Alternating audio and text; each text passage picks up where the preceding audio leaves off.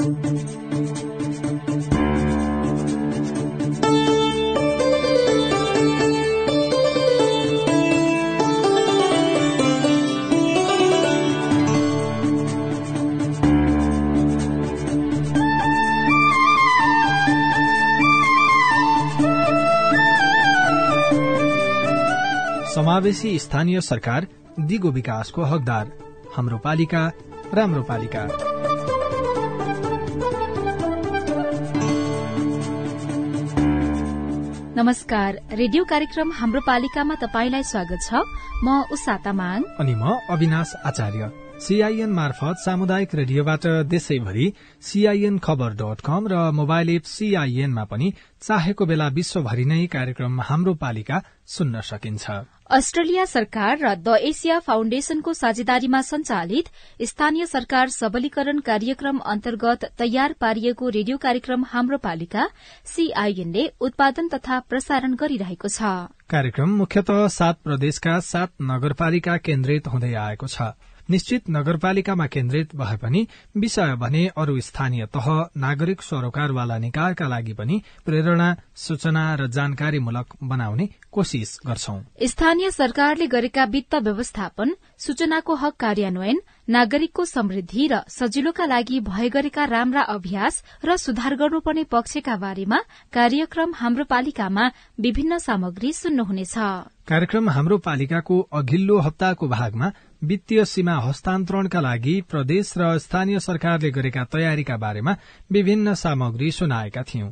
संघ सरकारले फागुन मसान्तभित्र र प्रदेश सरकारले चैत मसान्तभित्रमा स्थानीय सरकारलाई वित्तीय सीमाको बारेमा जानकारी गराइसक्नुपर्ने व्यवस्था छ।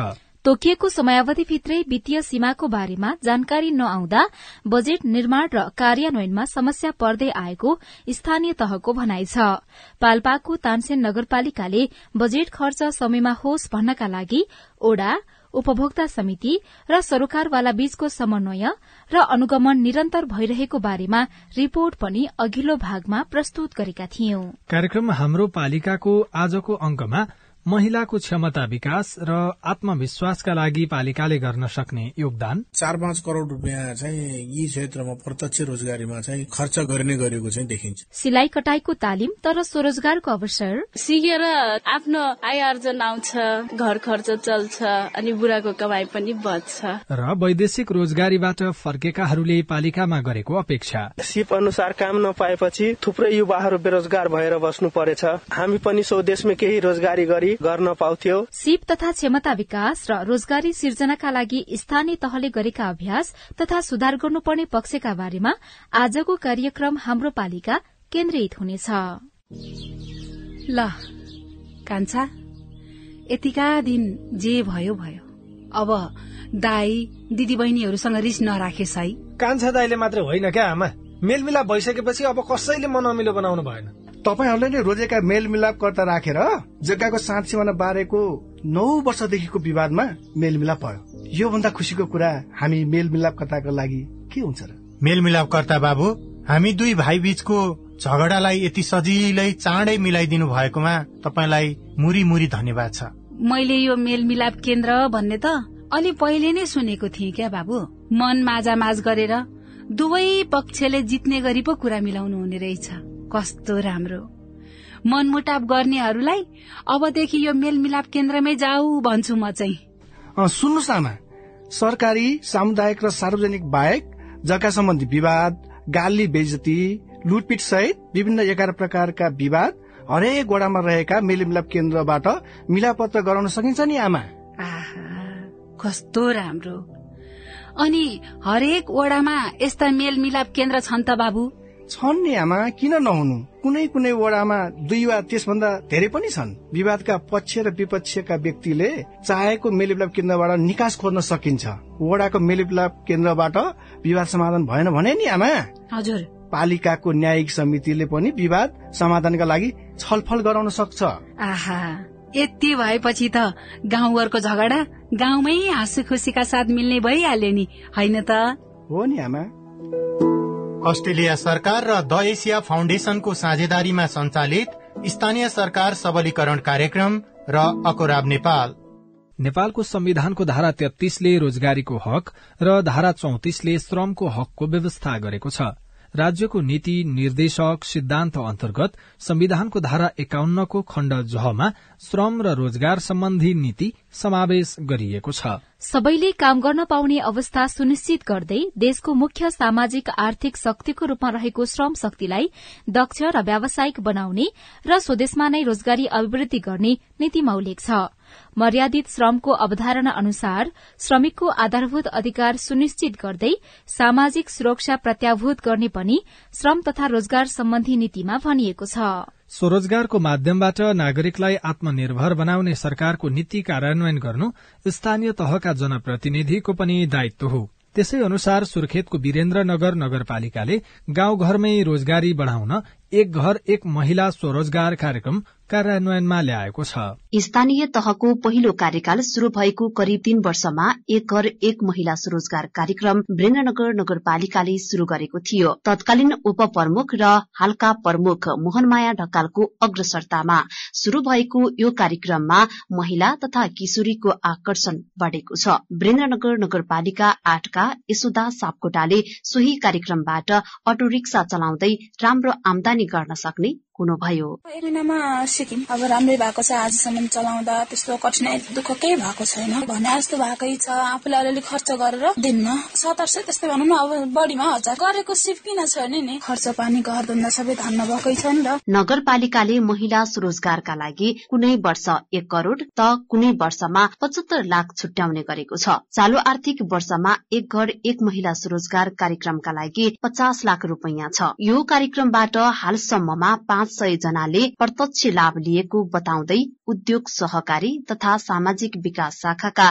टंक प्रसाद लामिछाने। चार पाँच वर्षको पिरियडमा चाहिँ करिब चौबिस पच्चिस सय जना मान्छेहरू चाहिँ यसबाट लाभान्वित भएको हुनुपर्छ। कहिलेका अप्रत्यक्ष ढंगबाट रोजगारी बढाउने कार्यक्रमहरू नियमित रूपमा सञ्चालन भएकै हुन्छ होइन? चार पाँच करोड़ रुपियाँ चाहिँ यी क्षेत्रमा प्रत्यक्ष रोजगारीमा चाहिँ खर्च गर्ने गरेको चाहिँ देखिन्छ। नगरपालिकाले मेयरसँग महिला उद्यमी कार्यक्रमका लागि चालू आर्थिक वर्षमा अस्सी लाख विनियोजन गरेको छ। दलित जनजाति आदिवासी पछाडि पारिएका महिलाको क्षमता विकासमा नगरपालिकाले जोड़ दिँदै आएको बताउनुहुन्छ। वीरेन्द्रनगर नगरपालिकाका उपप्रमुख नीलकण्ठ खनाल। विशेष गरेर अहिले हामीले रोजगार दिने कुरा रोजगार बनाउने कुरामा हामीले विशेष गरेर वीरेन्द्रनगरमा एक महिला एक घर एक महिला स्वरोजगार भन्ने अभियानलाई पनि हामीले एउटा नारा स्लोगन गराएर अगाडि बढाएका छौं। त्यो मुताबिक हामीले वीरेन्द्रनगरमा अहिले हामीले केही अटोहरूलाई अनुदान दिएर र तालिम चलाएर उहाँहरूलाई हामीले अनुदान दिएर अहिले अटो चलिरहेको कुरा साथसाथै हामीले रोजगार सिर्जना गर्ने कुरामा हामीले अहिले यो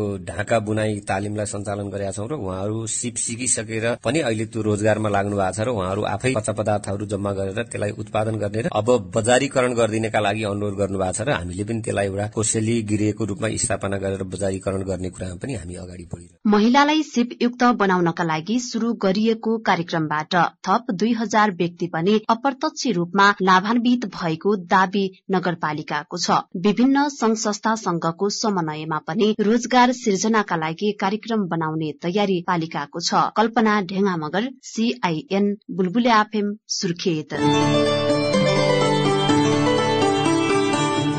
नेपालको संविधानमा प्रत्याभूत गरिएको रोजगारीको हकलाई कार्यान्वयन गर्न दुई हजार पचहत्तर असोज दुईदेखि रोजगारीको हक सम्बन्धी ऐन लागू भएको छ। क्षमता अनुसारको रोजगारी र बेरोजगार जनसंख्यालाई सहायता उपलब्ध गराउनु उक्त ऐनको उद्देश्य रहेको देखिन्छ।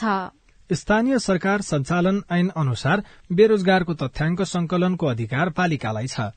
स्वरोजगार बढ़ाउन र सिपमूलक तालिम दिएर गरीबी घटाउनका लागि पनि स्थानीय सरकारले कार्यक्रम कार्यान्वयन गर्दै आएका छन्। कैलालीको टीकापुरमा स्थानीय सरकारले दिएको तालिम लिएर स्वरोजगार बन्नेको संख्या बढ़दै गएको छ। टीकापुर नगरपालिकाले पालिकावासीलाई सिपयुक्त बनाउन ब्यूटी पार्लर एडभान्स सिलाइ कटाई फेसन डिजाइन मोटर रिवाइन्डिङ तह एक प्लम्बिङ सीएफएल बल्ब बनाउने तालिम सञ्चालन गर्दै आएको छ।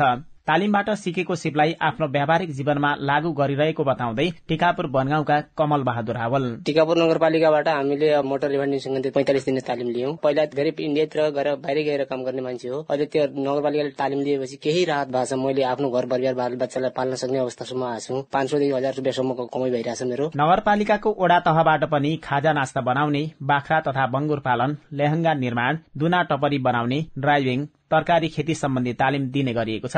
टिकापुर ब्लक नम्बर बीका तेज बहादुर भुलले मोटर रिबाइन्डिङ तालिम लिएपछि आमदानी र रोजगारीका लागि सजिलो भएको बताउनुहुन्छ।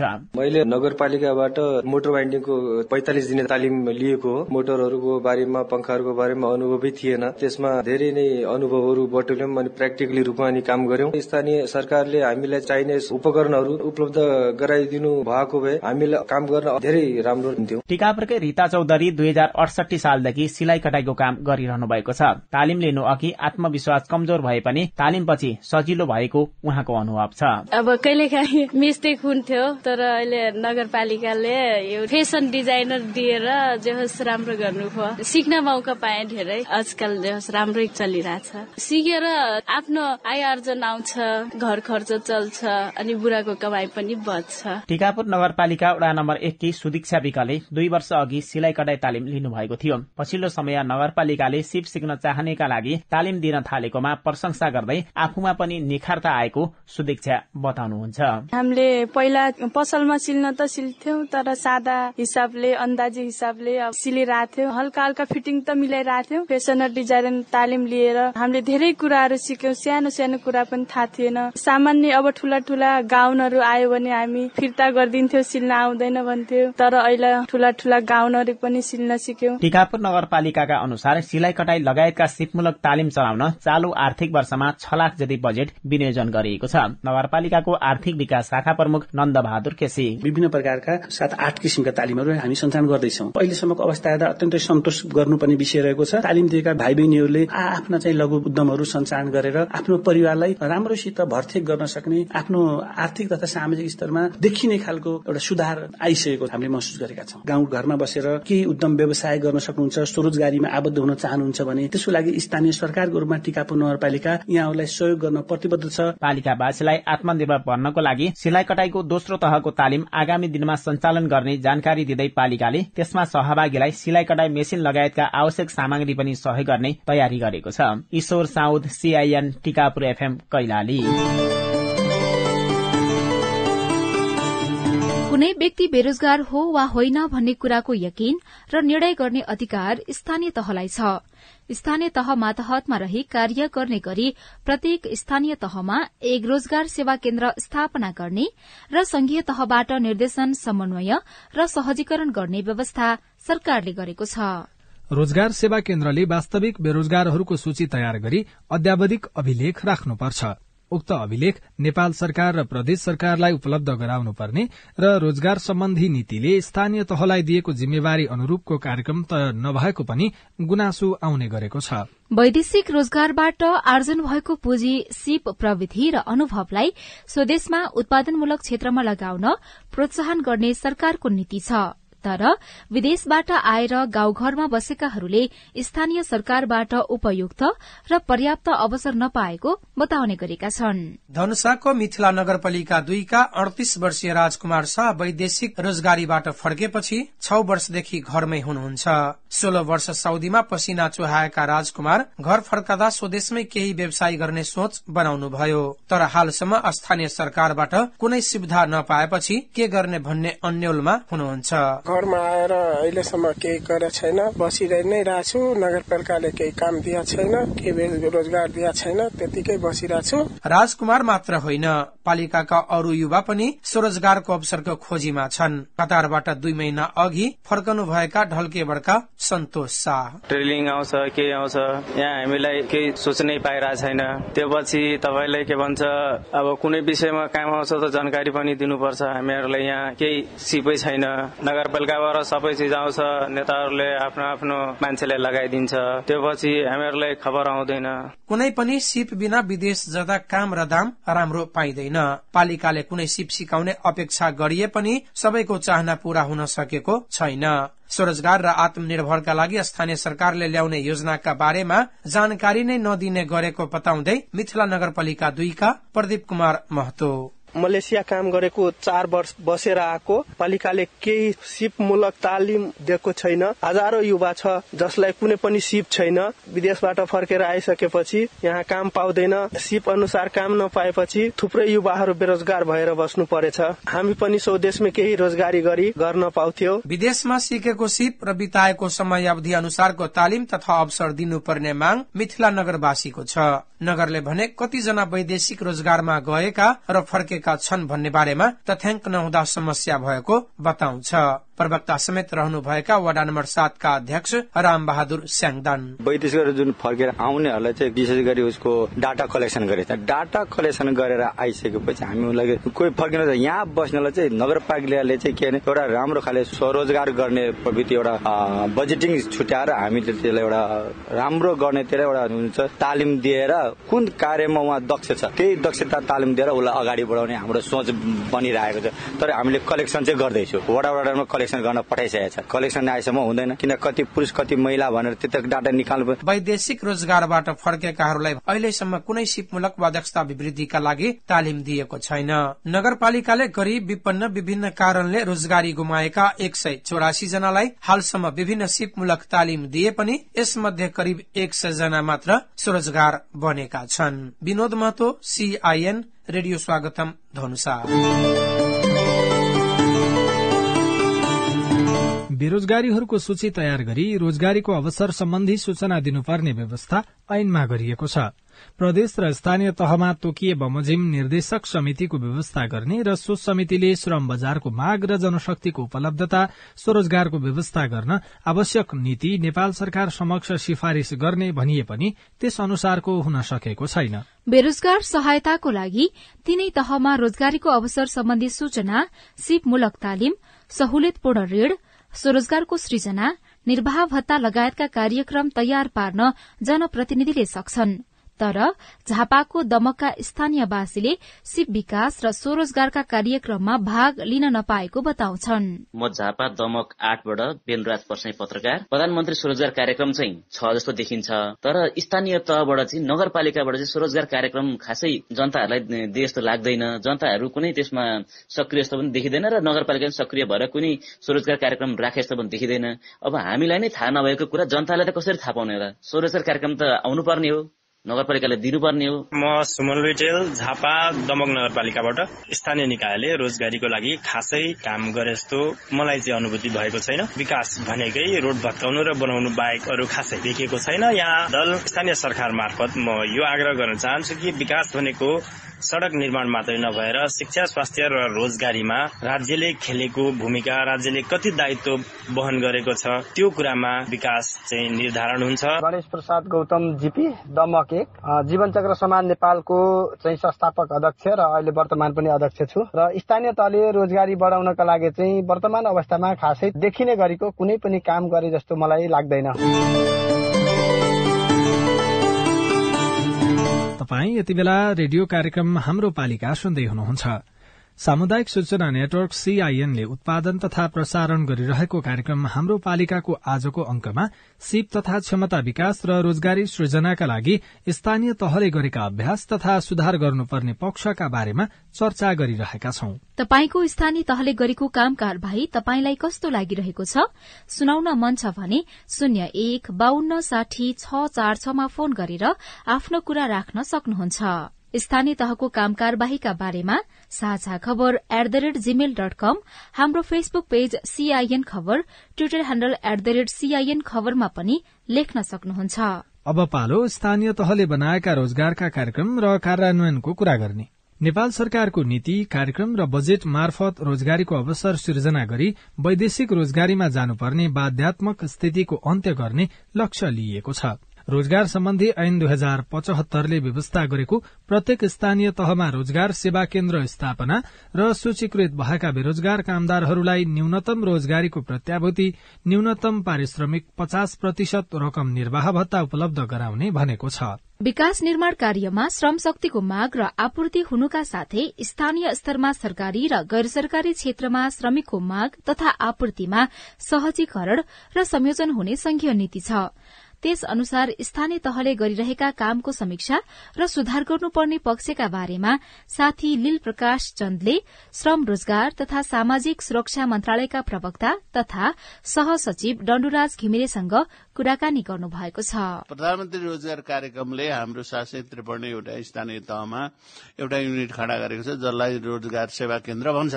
र त्यो रोजगार सेवा केन्द्र मार्फत चाहिँ हामीले के गरेका छौं भन्दाखेरि सबै स्थानीय तहबाट चाहिँ बेरोजगारहरूको लिस्ट चाहिँ हाम्रो सिस्टमभित्र चाहिँ हामीले ल्याउँछौं। र प्रत्येक वर्ष त्यो लिस्ट चाहिँ कस्तो हुन्छ भन्दाखेरि हामीले अपडेट गर्ने चलन छ।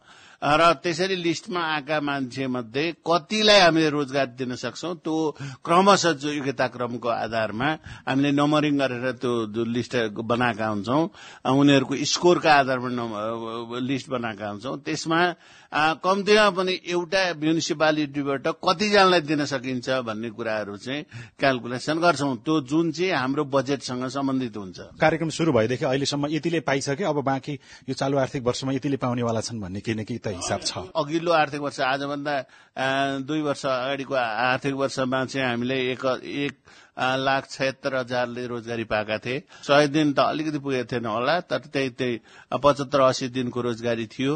र त्यस पछाडि गत वर्ष एक लाख अस्सी नब्बे हजारको हाला हाराहारीमा पाए। र उनीहरूको एभरेज डेज चाहिँ कति थियो भन्दाखेरि लगभग अस्सीको हाराहारीमा थियो।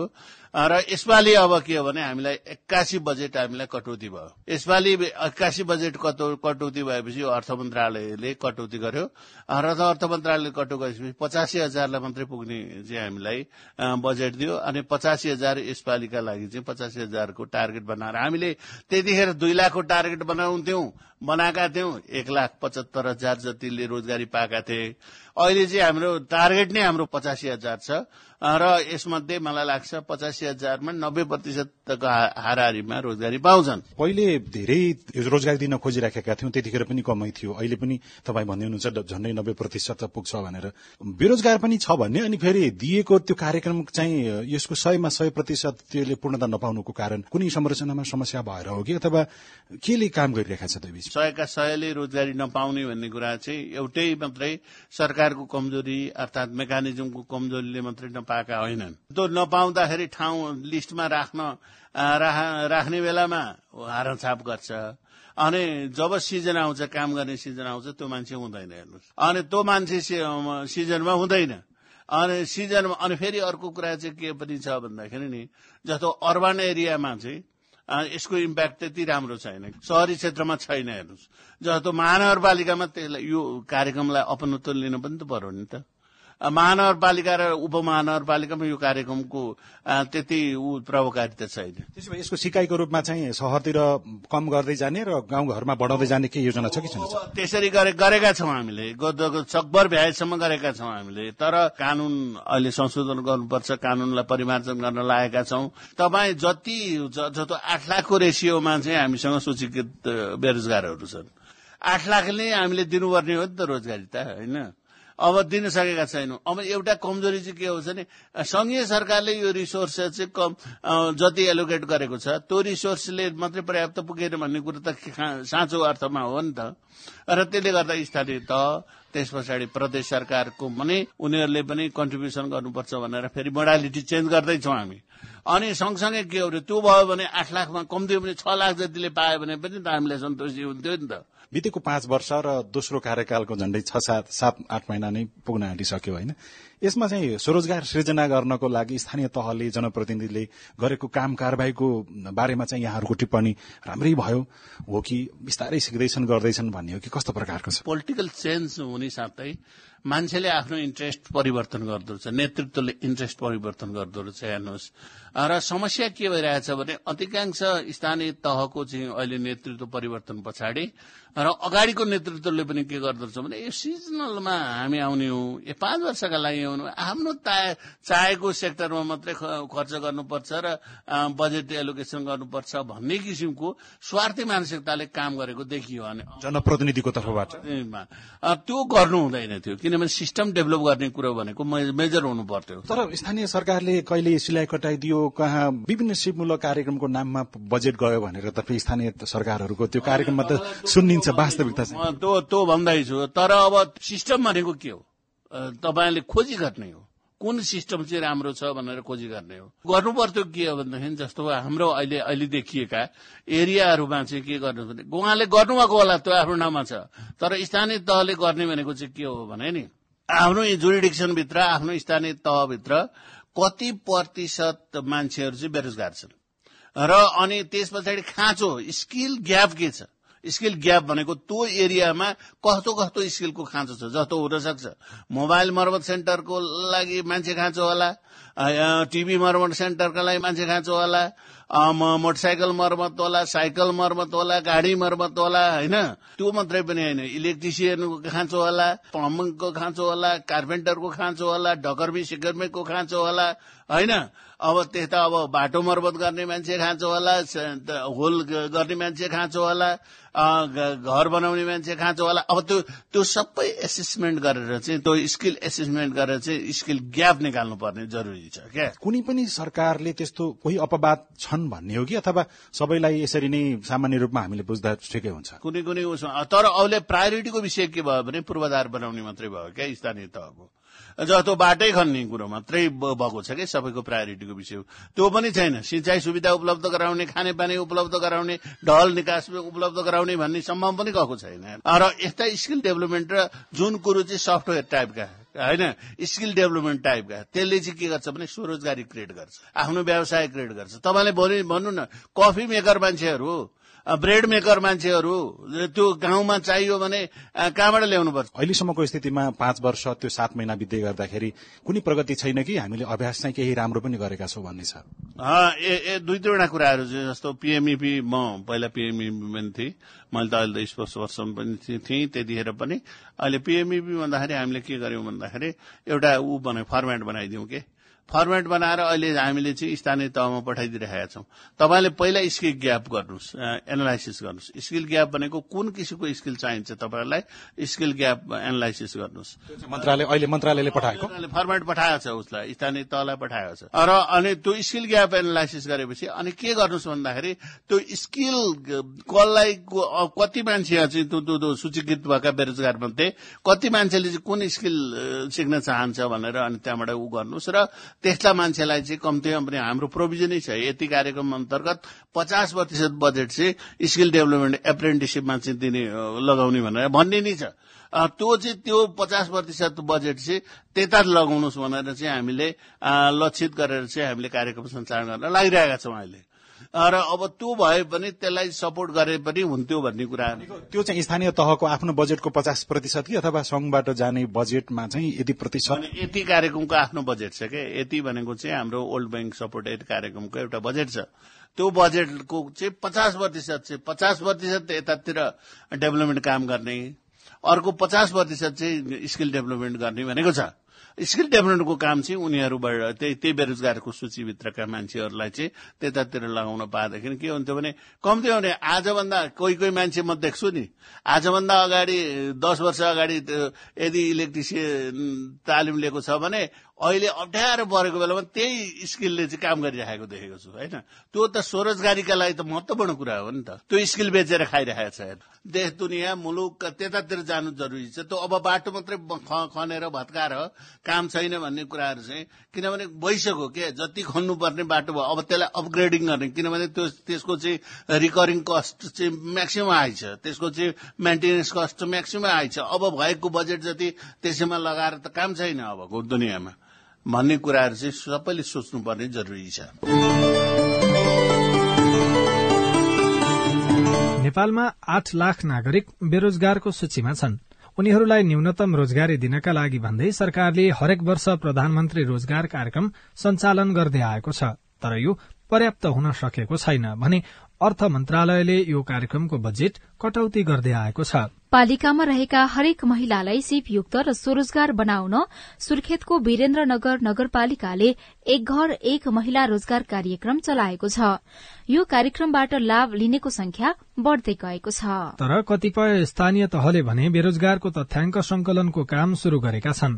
धनुषाको मिथिला नगरपालिका र झापाको दमक नगरपालिकाका अधिकांश नागरिक सिपमूलक तालिम र स्वरोजगारका लागि सहयोग नपाएको गुनासो गर्दै आएका छन्। यिनै सार समेटिएका विभिन्न सामग्रीसँगै तपाई हाम्रै घर दैलोका स्थानीय सरकारको बारेमा छलफल गर्ने रेडियो कार्यक्रम हाम्रो पालिकाको आजको अंकबाट भने विदा लिने समय भएको छ। तपाईलाई तपाईँको पालिकासँग केही सोध्न भन्न जान्न बुझ्न अथवा समस्या सुनाउन मन छ भने टेलिफोन नम्बर शून्य एक बान्न साठी छ चार छमा फोन गरेर दिइएको निर्देशन अनुसार रेकर्ड गराउन सक्नुहुनेछ। Facebook page CIN Khabar Twitter handle at the rate CIN खबरमा पनि लेख्न सक्नुहुनेछ। प्राविधिक साथी सुभाष पन्तलाई धन्यवाद। रेडियो कार्यक्रम हाम्रो पालिकाको आजको अंकबाट सहकर्मी साथीहरू ईश्वर साउद कल्पना ढेंगा मगर विनोद महतो राजु पोखरेल सहित हामी सबै विदा भयौं। नमस्कार।